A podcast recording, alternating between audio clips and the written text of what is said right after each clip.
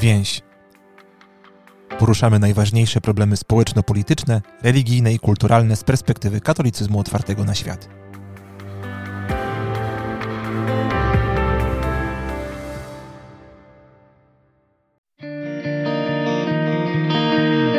Nie da się napisać przewodnika po krainie, której nie znamy. A Ciemna Noc Kościoła, czyli zbiorowe doświadczenie duchowego zagubienia, to dla polskich katolików przeżycie nieznane. Dlatego ten podcast może być co najwyżej półprzewodnikiem po nocy ciemnej. Będę tu poszukiwał drogowskazów i punktów orientacyjnych na długą wędrówkę. Nie obiecuję, że od razu będzie dużo jaśniej, ale ktoś bardzo mądry powiedział kiedyś: Szukajcie, a znajdziecie. Obiecuję więc, że będziemy szukali. Zbigniew Nosowski. Witam Państwa serdecznie w kolejnym odcinku Półprzewodnika po Nocy Ciemnej. E, dzisiaj e, goszczę w tym podcaście profesor Elżbietę Mikiciuk. Dzień dobry, Elu. Dzień dobry, Zbyszku. E, moja rozmówczyni zajmuje się naukowo literaturoznawstwem na Uniwersytecie Gdańskim. Jest profesorem w Zakładzie Dramatu, Teatru i Widowisk Instytutu Filologii Polskiej. Kieruje też pracownią badań nad Rosją w literaturze i kulturze polskiej w wiekach XIX-XXI. Jest autorką wielu publikacji na temat duchowości chrześcijaństwa wschodniego i odzwierciedlenia jej w literaturze i sztuce, przykład w malarstwie ikonowym, w teatrze, filmie, badaczką twórczości Fiodora Dostojewskiego, co w rozmowach o ciemnej nocy też może się trochę przydać, mm, ale jest też e, e, świecką dominikanką. I, I, wyraźnie jest to dla niej bardzo ważne, skoro ostatnio przy nazwisku umieszcza trzy literki OPS, wskazujące właśnie na przynależność do trzeciego zakonu dominikańskiego. OP to Dominikanie, OPS to Dominikanie świeccy. E, czytelnicy kwartalnika Więź znają doskonale profesor Elżbietę Mikiciuk, e, na przykład z niedawnego, bardzo ważnego eseju o religijności Stanisława Brzozowskiego, jaki opublikowaliśmy w jesiennym numerze naszego pisma. Może od Brzozowskiego byśmy e, zaczęli, jeśli pozwolisz, Elu. Mhm. To nie, mhm. to nie jest artykuł, w którym wykorzystujesz Brzozowskiego do prezentacji własnych diagnoz e, współczesnej polskiej religijności czy kościoła, ale wyraźnie jednak zaproponowałaś nam tę refleksję ze względu na jej aktualność. Ale w tekście to dyskretnie zaledwie sygnalizujesz, między innymi poprzez nawiązanie właśnie do idei ciemnej nocy Kościoła, mm, o czym teraz rozmawiamy. Co takiego najbardziej cię uderzyło jako trafne w dziś, w dzisiaj, to jako trafne dzisiaj w doświadczeniu i refleksji Brzozowskiego sprzed 100 lat? Mhm. E, no, dla mnie trafny w ogóle już był sam neologizm, mm, klerykatura stworzony przez Brzozowskiego, no bo on już zawiera w sobie tą krytykę mm, klerykalizmu. E, a zarazem też bardzo jakoś pociągające było dla mnie, że ta przenikliwa krytyka perwersji Kościoła, jak ją określa papież Franciszek, jak określa klerykaturę papież Franciszek, czy mm, klerykalizm, E, że ona nie wyraża się w pogardzie czy nienawiści wobec duchowieństwa, e, czy szerzej wobec e, katolików, że Brzozowski no właśnie nie walczy z Kościołem, walczy, można powiedzieć, o Kościół, nie uderza ani w Chrystusa, nie neguje też głębin chrześcijaństwa, mm, wskazując chociażby na taki pogłębiony katolicyzm Norwida. Więc to jest dla mnie jakoś bardzo ważny głos i chyba mm, przyznam, że kiedy pisałam ten tekst o klerykaturze, to chyba najbardziej y, uderzyła mnie i boleśnie uderzyła mnie aktualność epizodu francuskiego Płomieni, powieści y, Brzozowskiego, w którym opisuje on y, antyklerykalne wystąpienia, do jakich dochodzi we Francji w czasie, w czasie komuny paryskiej. A więc opisuje bunt i to bunt kobiet, można by było powiedzieć strajk kobiet, który wybucha właśnie jako reakcja na, na przemoc seksualną duchownych wobec, y, wobec dzieci, wobec kilkuletnich dziewczynek z sierocińca. I ten bunt jest i wyrazem sprzeciwu wobec przestępstwa, wobec bezkarności sprawców, jest on skierowany również przeciwko hipokryzji, przeciwko fałszywej takiej kastowej solidarności, która każe ukrywać zbrodnie, a nawet obarczać winą tych, którzy zostali skrzywdzeni. No i dla mnie to jest chyba taki najmocniejszy obraz tej ciemnej nocy kościoła Urzozowskiego. Mm, no przede wszystkim najpierw nocy niewyobrażalnego cierpienia, nieutulonego bólu tych dzieci, tych osób skrzywdzonych. Także jest to noc obojętności i noc pychy, którą opisuje Brzozowski, no z całą taką przenikliwością i bezlitośnie. Przy czym chciałabym też może podkreślić, że w tym epizodzie francuskim ten gniew kobiet, y, choć słuszny, choć zasadny, to on jednak wyraża się, czy wyradza się w przemoc, y, y, ujawnia się w aktach nienawiści, w atakowaniu nawet na oślep, tam dochodzi nawet do jakiejś próby zlinczowania księdza. I no nie tak, nie tak na zło odpowiada Jezus Chrystus. Dla mnie ten ten obraz Nocy Ciemnej Kościoła, który ukazuje Brzozowski, jest nie nawoływaniem do nienawiści, do, do przemocy, ale do przemiany, do mojego też osobistego nawrócenia. I dla mnie to jest takie wezwanie też do tego, by nie rezygnować z wyrażania gniewu, tego słusznego sprzeciwu E, wobec zła, ale czynić to e, z miłością, właśnie bez przemocy, by być właśnie nieobojętną wobec e, osób skrzywdzonych, być po ich stronie. Tak, jak ja czytałem te opisy, które, które cytujesz, wcześniej ich nie mhm. znałem, pomyślałem, że to kolejny zresztą argument, że mm, z czynami mm, pedofilnymi mieliśmy do czynienia daleko przed rewolucją seksualną 68 roku, że jednak jest to rzeczywistość, która, która towarzyszyła, a szerzej przemoc seksualna towarzyszy po prostu e, człowiekowi, więc, e, więc rzeczywiście pod tym względem e, te, te opisy Brzozowskiego są, mm, są bardzo znamienne i aktualne. Ale chciałem też Cię spytać, jak on sobie poradził, jakbyś to nazwała, czy może byłaby z tego jakaś lekcja dla nas e, dzisiaj, tu i teraz, z tym doświadczeniem mhm. Nocy Ciemnej, bo on, on, on, bardzo ostro krytykował instytucję kościelną, od, odchodził od niej, a, a potem wrócił i ty podkreślasz, że wrócił do kościoła takiego, jaki jakim on był. To znaczy nie wrócił do kościoła, zreform, nie czekał aż kościół się zreformuje i wrócił, tylko postanowił mm, być, być w tym kościele w takim, jakim on jest. Jak, jak to u niego przebiegało? Mhm.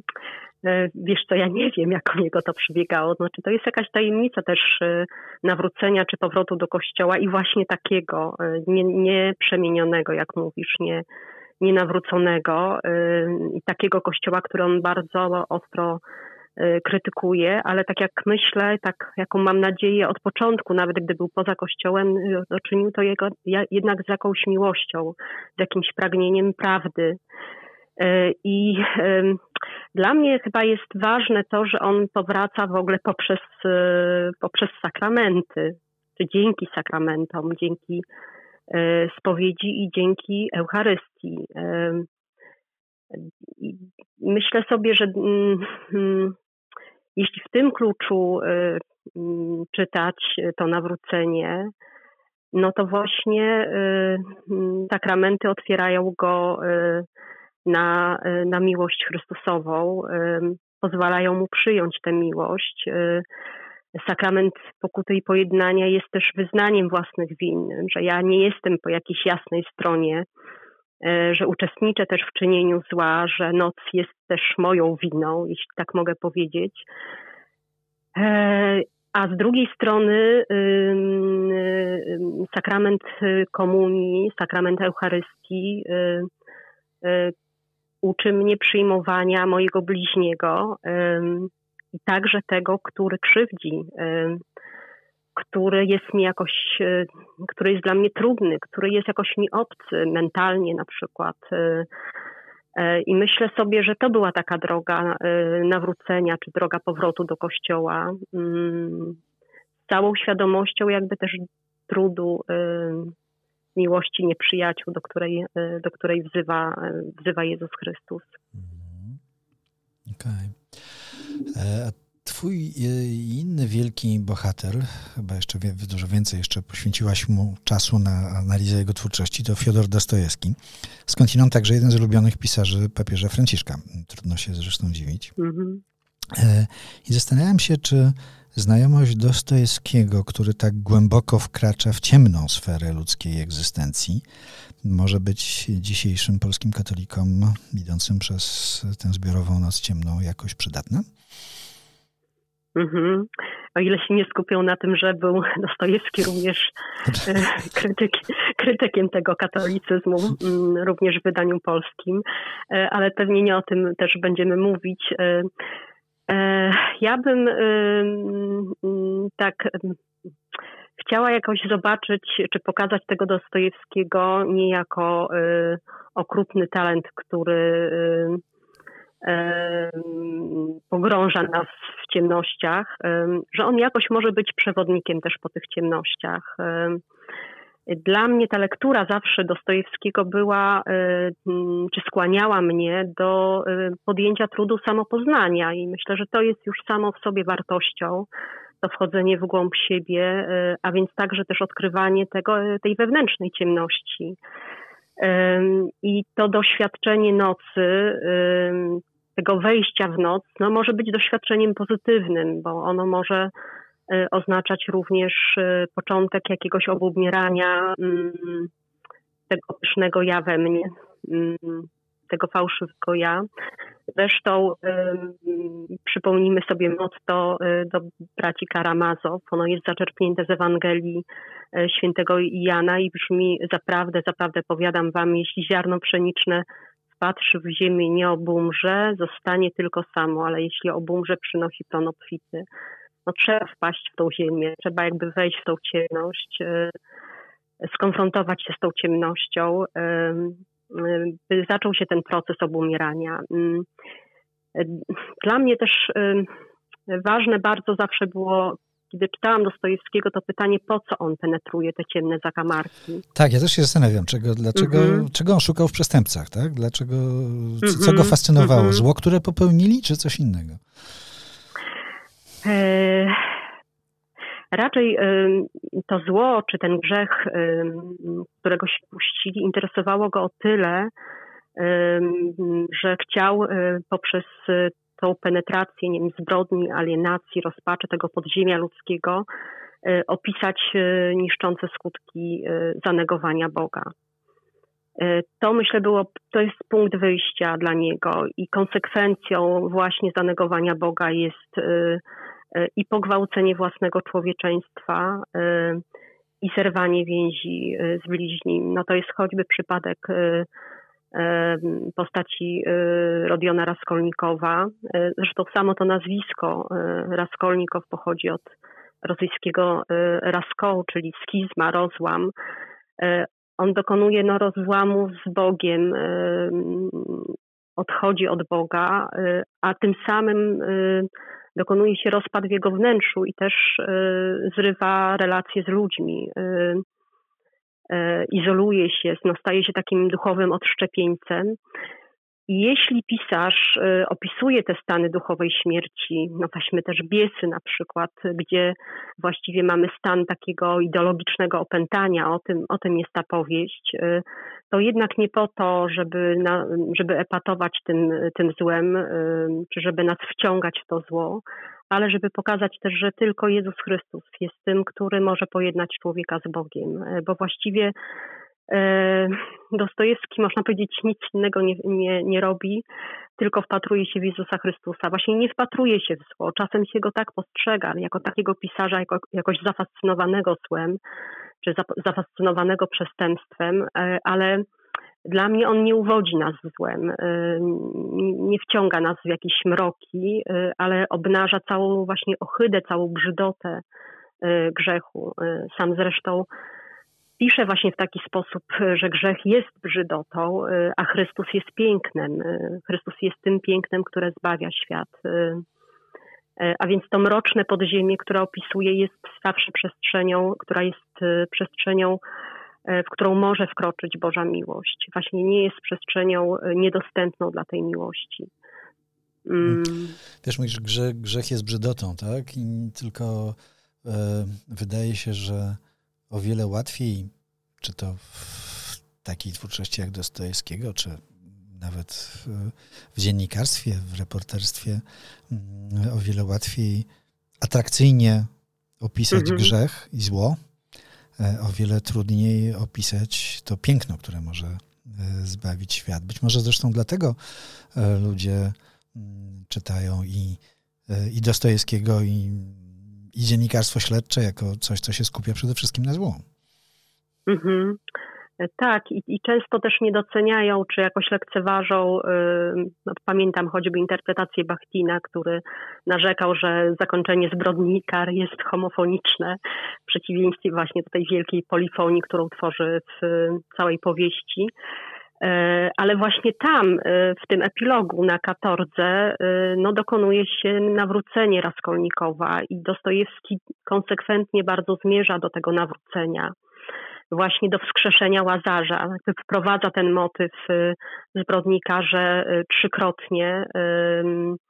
Y, przywołuje go najpierw w rozmowie z Raskolnikowa z, z Porfirem, ze, z sędzią śledczym, później Sonia czyta Raskolnikowowi cały fragment o wskrzeszeniu Łazarza z Ewangelii Janowej.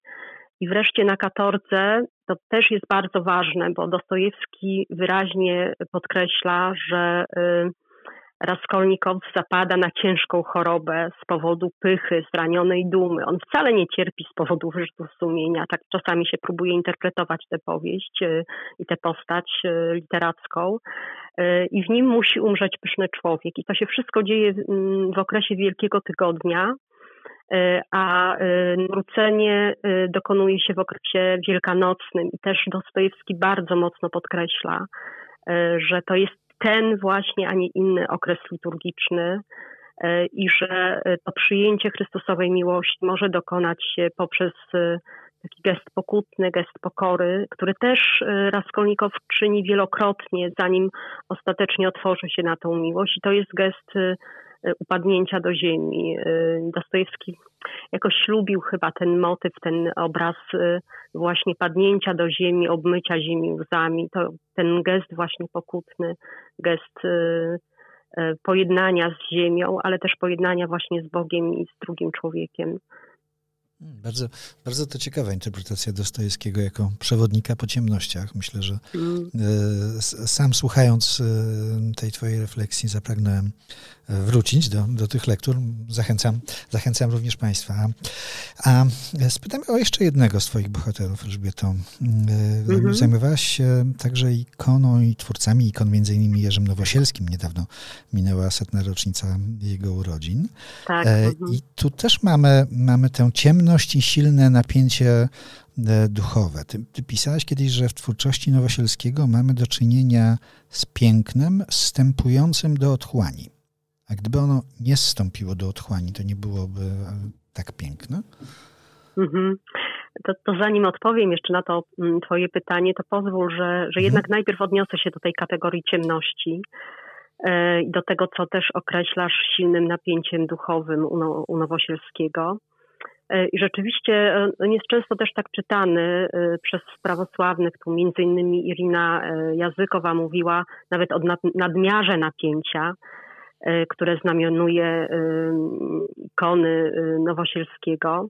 Jakiś I o tym, niepokój, że niepokój niektórzy tam tam widzieli też niekiedy. Tak, tak, tak, że widz właściwie zostaje wciągnięty, można powiedzieć, do takiego start, y, do, do uczestnictwa w starciu sił ciemności, światłości, do jakiejś manichejskiej walki między dobrem a złem. I mm, ja powiem szczerze, że nie widzę tak, nie postrzegam tak tej twórczości.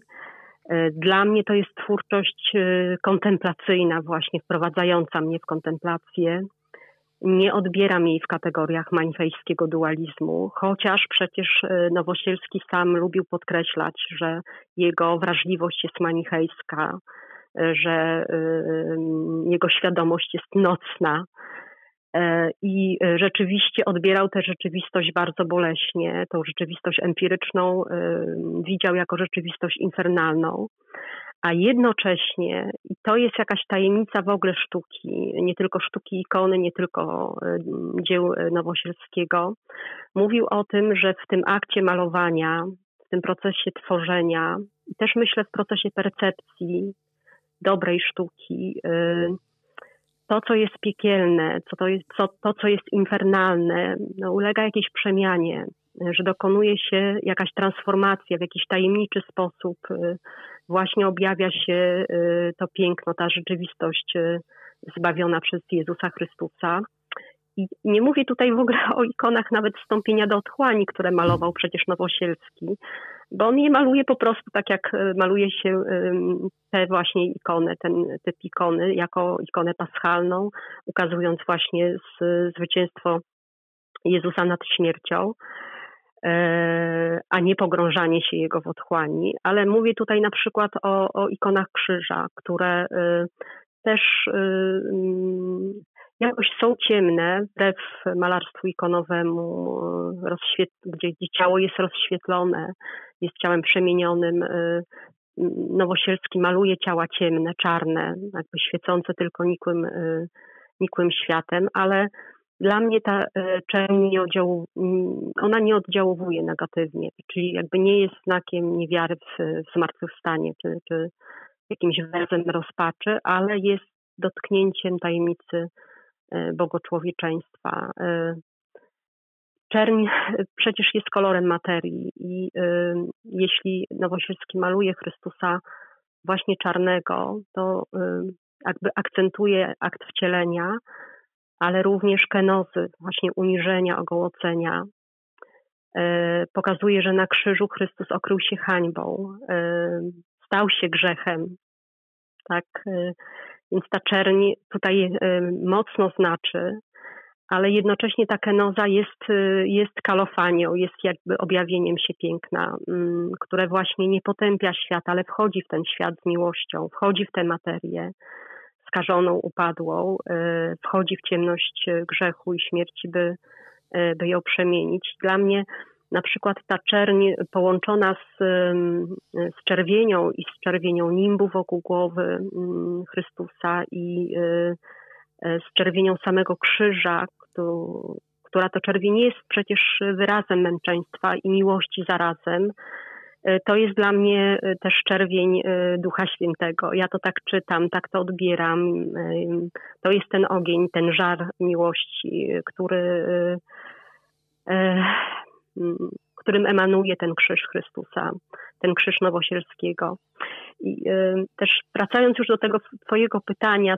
Mm, tak, to tutaj, tutaj tylko dodam, że tak jak, tak jak, tak jak mhm. poprzednio, tak jak poprzednio y, nabrałem ochoty do mm, ponownej lektury Dostojewskiego, tak teraz y, myślę, że, że zaraz po nagraniu zacznę sobie odświeżać te, te ikony Nowosielskiego i patrzeć na tę czer, czerń i czerwień mm, wokół, wokół krzyża. Mhm. Tak, ale mhm. wróćmy rzeczywiście do wstąpienia do otchłani, bo, bo to jest też motyw e, dla ciebie e, ważny. Pisałaś, e, pisałaś niedawno, na Wielkanoc pisałaś dla więź.pl, że, że, że trzeba szczególnie mówić o zmartwychwstaniu jako Chrystusowym zejściu do otchłani. Ciekaw jestem, jak to się wiąże też no i z Nowosielskim, prawda? Właśnie, więc pytanie brzmiało, czy gdyby piękno nie wstąpiło mm -hmm. do otchłani, nie byłoby tak piękne?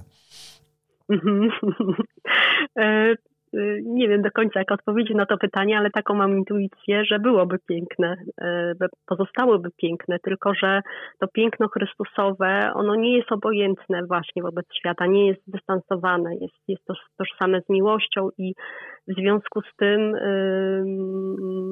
Bóg y, w osobie Jezusa Chrystusa zapragnął, byśmy mieli udział w tym pięknie, w tym Bożym pięknie. No o tym mówi y, teologia przebóstwienia, y, tak bliska dla chrześcijaństwa wschodniego. Bóg stał się człowiekiem po to, aby człowiek mógł stać się Bogiem, czyli aby miał też udział w Jego komunii miłości, y, a więc też w Jego pięknie, tak, tak to rozumiem. Mhm.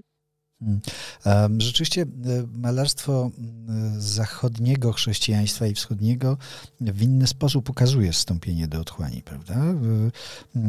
Ono jakby dla, dla, dla zachodniej sztuki i chyba, chyba trochę też refleksji teologicznej stąpienie do otchłani jest, jest czymś, coś, czymś, czymś pomiędzy zaledwie, pomiędzy krzyżem a, a zmartwychwstaniem, e, a na tych wschodnich y, y, malowidłach mamy, mamy Zbawiciela, który wyprowadza z grobu Adama i Ewę, trzymając ich mocno za ręce, y, mhm. przywracając im, im życie. To jest chyba bliski wątek tobie, tak? Twojej, twojemu doświadczeniu, twojej refleksji.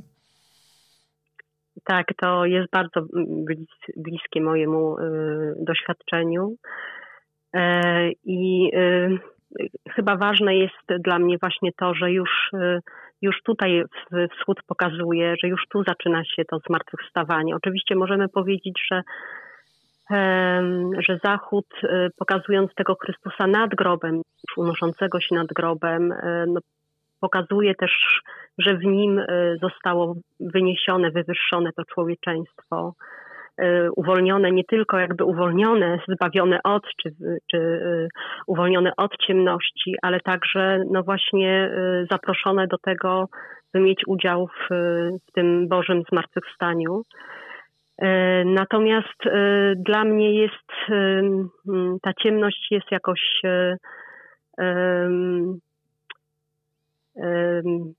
tym doświadczeniem, które y, jednocześnie no właśnie nie jest y, y, doświadczeniem samotności, ale także jakiegoś otwarcia się na, na tego zmartwychwstałego, który przychodzi. Hmm, zanotowałem sobie takie jedno bardzo ważne zdanie, że zmartwychwstawanie zaczyna się w otchłani.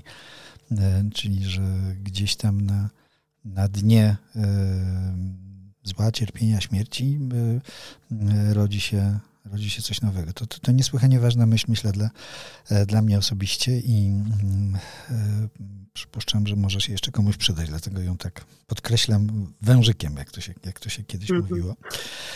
E, a chciałem cię też spytać, Elu, czy mm, tak Powiedzieliśmy już troszkę, że, że jest to bliskie Twojemu doświadczeniu. Mam na myśli też, też doświadczenie duchowe. Nie wiem, na ile chciałabyś o tym mówić. Czy Noc Ciemna to, to, to też rzeczywistość, którą znasz z osobistego doświadczenia duchowego? Czy mogłabyś coś o tym opowiedzieć? Mhm. E, trochę mogę, ale chyba po, posłużę się tutaj raczej y, opowieścią ewangeliczną, która jest mi najbliższa i która właściwie opowiada o moim doświadczeniu. Mhm. E, bo to jest doświadczenie Marii Magdaleny, która płacze nad pustym grobem. E, I przecież nie wie, że to jest znak, e, że pusty grob to jest znak zmartwychwstania, że, że już go tam nie ma, tak, że, że on jest wśród, że on jest żyjącym Panem. Mm. I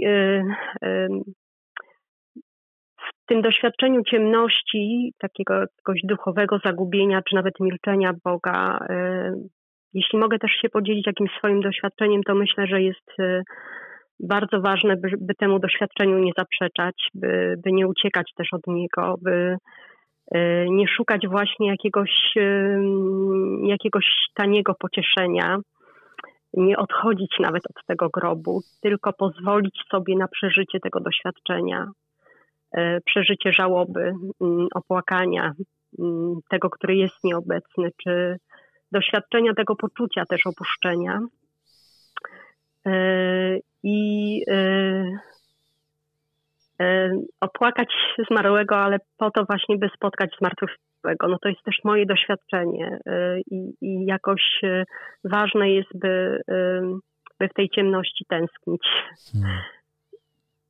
Tu znowu sobie zanotowałem to, żeby nie szukać taniego pocieszenia. To też może być mm, ważna wskazówka, bo to tanie pocieszenie może być ułudą, jak rozumiem, tak? Dla, dlatego, mm -hmm. dlatego go nie szukać. E, tak, no ja się o tym przekonałam, bo był taki czas, kiedy odeszłam od grobu e, i szukałam właśnie tego pocieszenia jakby poza, e, poza Chrystusem. E, szukałam nadziei poza Nim, e, a e, odkryłam ostatecznie wracając, można powiedzieć, do tego doświadczenia pustego grobu, że poza nim nie ma pocieszenia, nie ma nadziei, że, że jakby w nim jest ta, ta nadzieja, której szukam, ten sens, którego szukam, ta miłość, której szukam. Hmm. Że tylko jakby on tę ciemność rozświetla. Hmm. To może porozmawiajmy o tym na, na, na o Twoim teraz, Twoim dzisiaj. Mhm. Czym jest dziś dla Ciebie bycie świecką dominikanką? O to zwłaszcza chciałem spytać. Jakby podkreślałem we, wprowadzeniu te trzy tajemnicze literki przy, przy nazwisku OPS. Mhm. Jakby po raz pierwszy się z tym spotkałem w jakimś artykule, który pisałeś e, do nas, który był duchowy, tak? więc temu się e, to, to mnie nie zaskakiwało, ale później zobaczyłem, że e, również w twórczości przy Twoim nazwisku w, przy artykule e, mhm. pojawiło się OPS, jakby przy artykule, który mógłby być po prostu podpisany przez profesor Elżbietę Mikiciuka, ale okazuje się, że że, że ta informacja e, jest dla ciebie ważna, chcesz ją e, pokazać, można powiedzieć, światu, czyli jest to ważny element twojej tożsamości. Co to w ogóle znaczy być świecką dominikanką?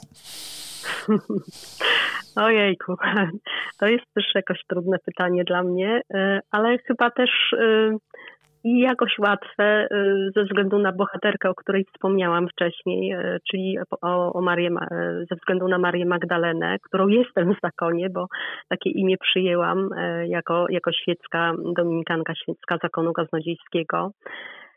I to jest o tyle proste, że udziałem Marii Magdaleny było to doświadczenie spotkania ze zmartwychwstałym, ze zmartwychwstałym Panem, że ona usłyszała swoje imię i odwróciła się od grobu. E, I co więcej, poszła później e, i ogłosiła e, uczniom, że spotkała zmartwychwstałego.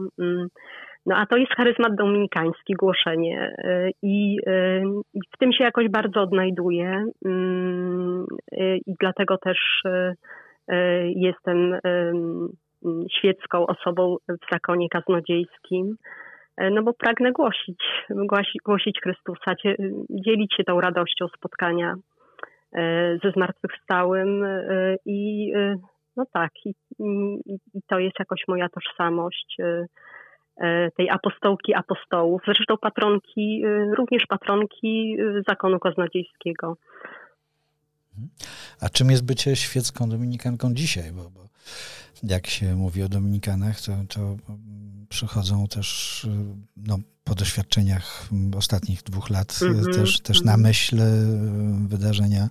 Bardzo, bardzo przykre, smutne, jak można, no tragiczne wręcz, jak można było e, haniebnie wykorzystywać e, strukturę dominikańskiego duszpasterstwa do przestępstw, do, do przemocy i psychicznej, i duchowej, i fizycznej, i seksualnej, o, o której Stanisław Brzozowski na pewno 100 lat temu nie słyszał. Więc jak, jak ty sama, jak inni, jeśli możesz, jeśli, jeśli w ogóle masz prawo mówić za innych, y, y, inni mhm. świeccy dominikanie i dominikanki, przeżywacie ten, ten kryzys dominikańskiej wiarygodności, bo chyba tak to można nazwać. Mhm. Pozwól, że jednak będę chyba w swoim imieniu Za tutaj mówić. Oczywiście, tak, tak, wiadomo, to każdy, tak, no każdy jest mnie, inny. Tak, tak. Mhm. No dla mnie to jest bardzo trudne też y, i bolesne doświadczenie, zwłaszcza po lekturze raportu, który był dla mnie druzgocący naprawdę. Nawet jak teraz o tym mówię, to, to gdzieś tam są we mnie silne emocje. Mm. Natomiast też wierzę, że kryzys może prowadzić do uzdrowienia, czy będzie prowadził. E, mam nadzieję, po prostu mam nadzieję, e, jeśli też nie przestaniemy wołać do Ducha Świętego o, o, o pokorę, o to nawrócenie. E, no bo przecież nie chodzi tutaj o jakieś odbudowywanie dobrego wizerunku. Tak, Dominikanie, no jakoś y, y, stracili ten wizerunek, ale przecież właśnie nie o, nie o ten wizerunek chodzi. Nie, nie, nie chodzi tutaj o zabieganie o przywrócenie dobrego imienia czy, czy dobrego samopoczucia, y, ale o naszą wiarygodność. Dla mnie ta wiarygodność zasadza się nie na jakiejś bezgrzeszności czy tym dobrym imieniu, ale na, na pokorze, po prostu na pokorze. I to jest pytanie, które sobie stawiam, czy potrafię naprawdę być świadkiem, wiarygodnym świadkiem Jezusa Chrystusa, czy potrafię też głosić Ewangelię, no właśnie taką, jaką jestem, tak, z moimi grzechami, ale właśnie w, przyznając się też do nich, przepraszając za, za krzywdy, prosząc o przebaczenie, pamiętając o zadośćuczynieniu, czy szukam też jakoś z innymi, też myślę tutaj o w ogóle o strukturach też od kościelnych, dominikańskich, czy, czy szukamy wspólnie jakiegoś skutecznego sposobu zapobiegania, przeciwstawiania się też tym nadużyciom władzy duchowej, przemocy seksualnej w kościele, czy ja, czy moi bracia, moje siostry jesteśmy wrażliwi po prostu na te osoby, którymi jesteśmy na co dzień. Ja we wspólnocie, we fraterni chociażby. Myślę, że to jest jakieś takie duże wezwanie właśnie dla nas wszystkich i no, do nawrócenia właśnie, do, do, do przemiany naszych serc. E, okej, okay. i ostatnie pytanie, Elu, do ciebie mm, w tej, w tej naszej rozmowie mm, o wiele krótszej niż bym chciał, bo, bo można by jeszcze bardzo długo. Mm, to jest pytanie, które znasz z wcześniejszych odcinków. E, ja tutaj właściwie każdego z rozmówców pytam o takie punkty orientacyjne, jakieś stałe, stałe rzeczy, które e, zawsze będą, istnieją i, i powinny być takim punktem odniesienia w tej wędrówce w ciemnościach. To jest nawiązanie do pierwszej mhm. rozmowy z tego cyklu z instruktorką orientacji przestrzennej Agnieszką Zakrzewską o tym, jak osoby niewidome i ociemniałe uczą się poruszania w świecie, po świecie, którego nie widzą.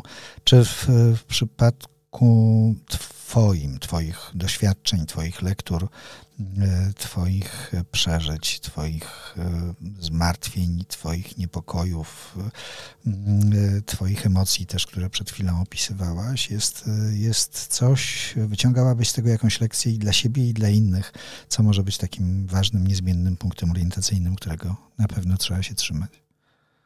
Mhm. E, chciałabym tutaj może e, powiedzieć bardziej o takim wewnętrznym, a nie zewnętrznym punkcie orientacyjnym.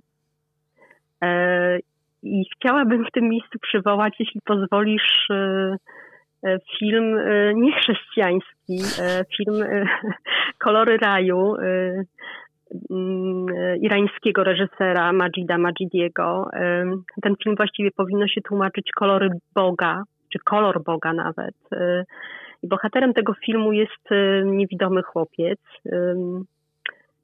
E, ale e, co jest ważne w tym filmie, to to, że ten chłopiec uczy nas, tak przynajmniej ja ten film odbieram, tak, tak go odczytuję, e, uczy nas, jak odnajdywać Boga właśnie w ciemności, jak dotykać Boga, no bo on y, poznaje dotykając, y, dotykając opuszkami palców. Y, I to jest dla mnie przepiękny film o postawie kontemplacyjnej, o postawie serca właśnie, czyli o tym wewnętrznym punkcie orientacyjnym, o tym, o tym czystym sercu, które ma dziecko, o które my prosimy, czy musimy prosić Ducha Świętego, y, y, by, by widzieć, tak, by, by dotykać Boga, by widzieć Boga tym czystym sercem.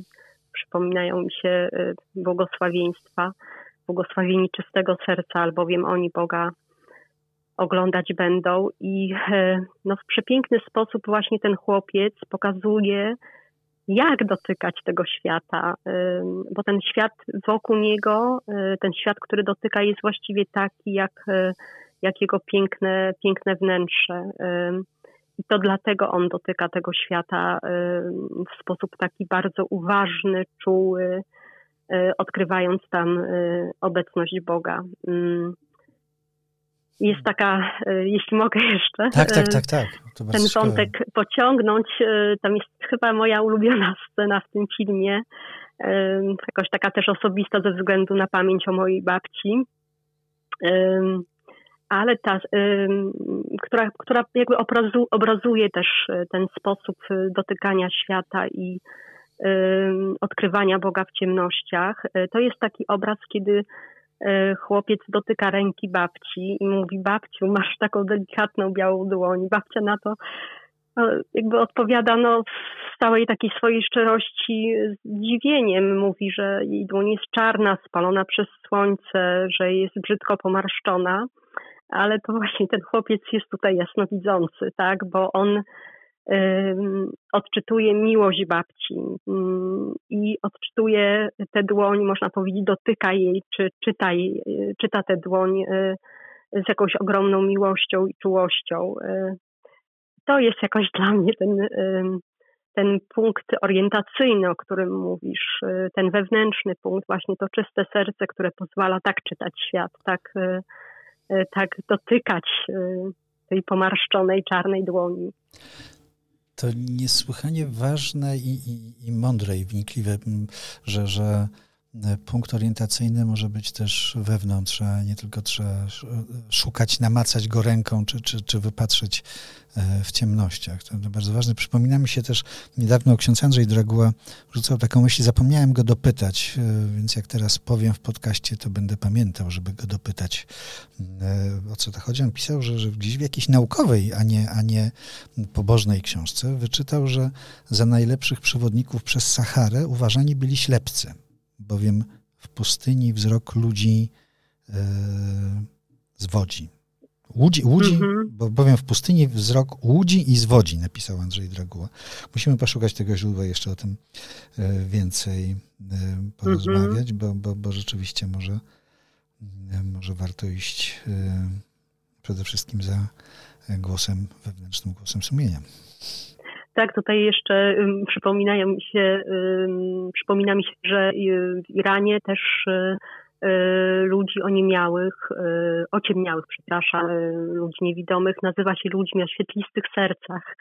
I to jakoś też bardzo pasuje oczywiście do, do tego filmu i do postawy tego chłopca. On właśnie ma to, to świetliste, to, to czyste serce. Mhm. Bez idealizowania tej bardzo tego bardzo trudnego doświadczenia, oczywiście, tak. ale, mm ale tak, tak też e, może być. Mm A opowiadała Państwu o tym profesorze Elżbieta Mikiciuk. E, niesłychanie dziękuję Luza za tę bardzo treściwą rozmowę. Dziękuję. Więc mamy do, do, do, pracę domową do odrobienia. Nie dość, że czytać Dostojewskiego, szukać Nowosielskiego, to jeszcze film Kolory Raju odnaleźć, no a przede wszystkim odnaleźć tego wewnętrznego przewodnika, ten wewnętrzny punkt orientacyjny. E, dziękuję serdecznie e, i, i, do usłyszenia w kolejnych odcinkach e, półprzewodnika po nocy ciemnej. Jeśli jest dla Państwa ważne to, co, to, o czym tutaj rozmawiamy, to, co próbujemy opisywać, no to wiadomo, że wsparcie zawsze się przyda.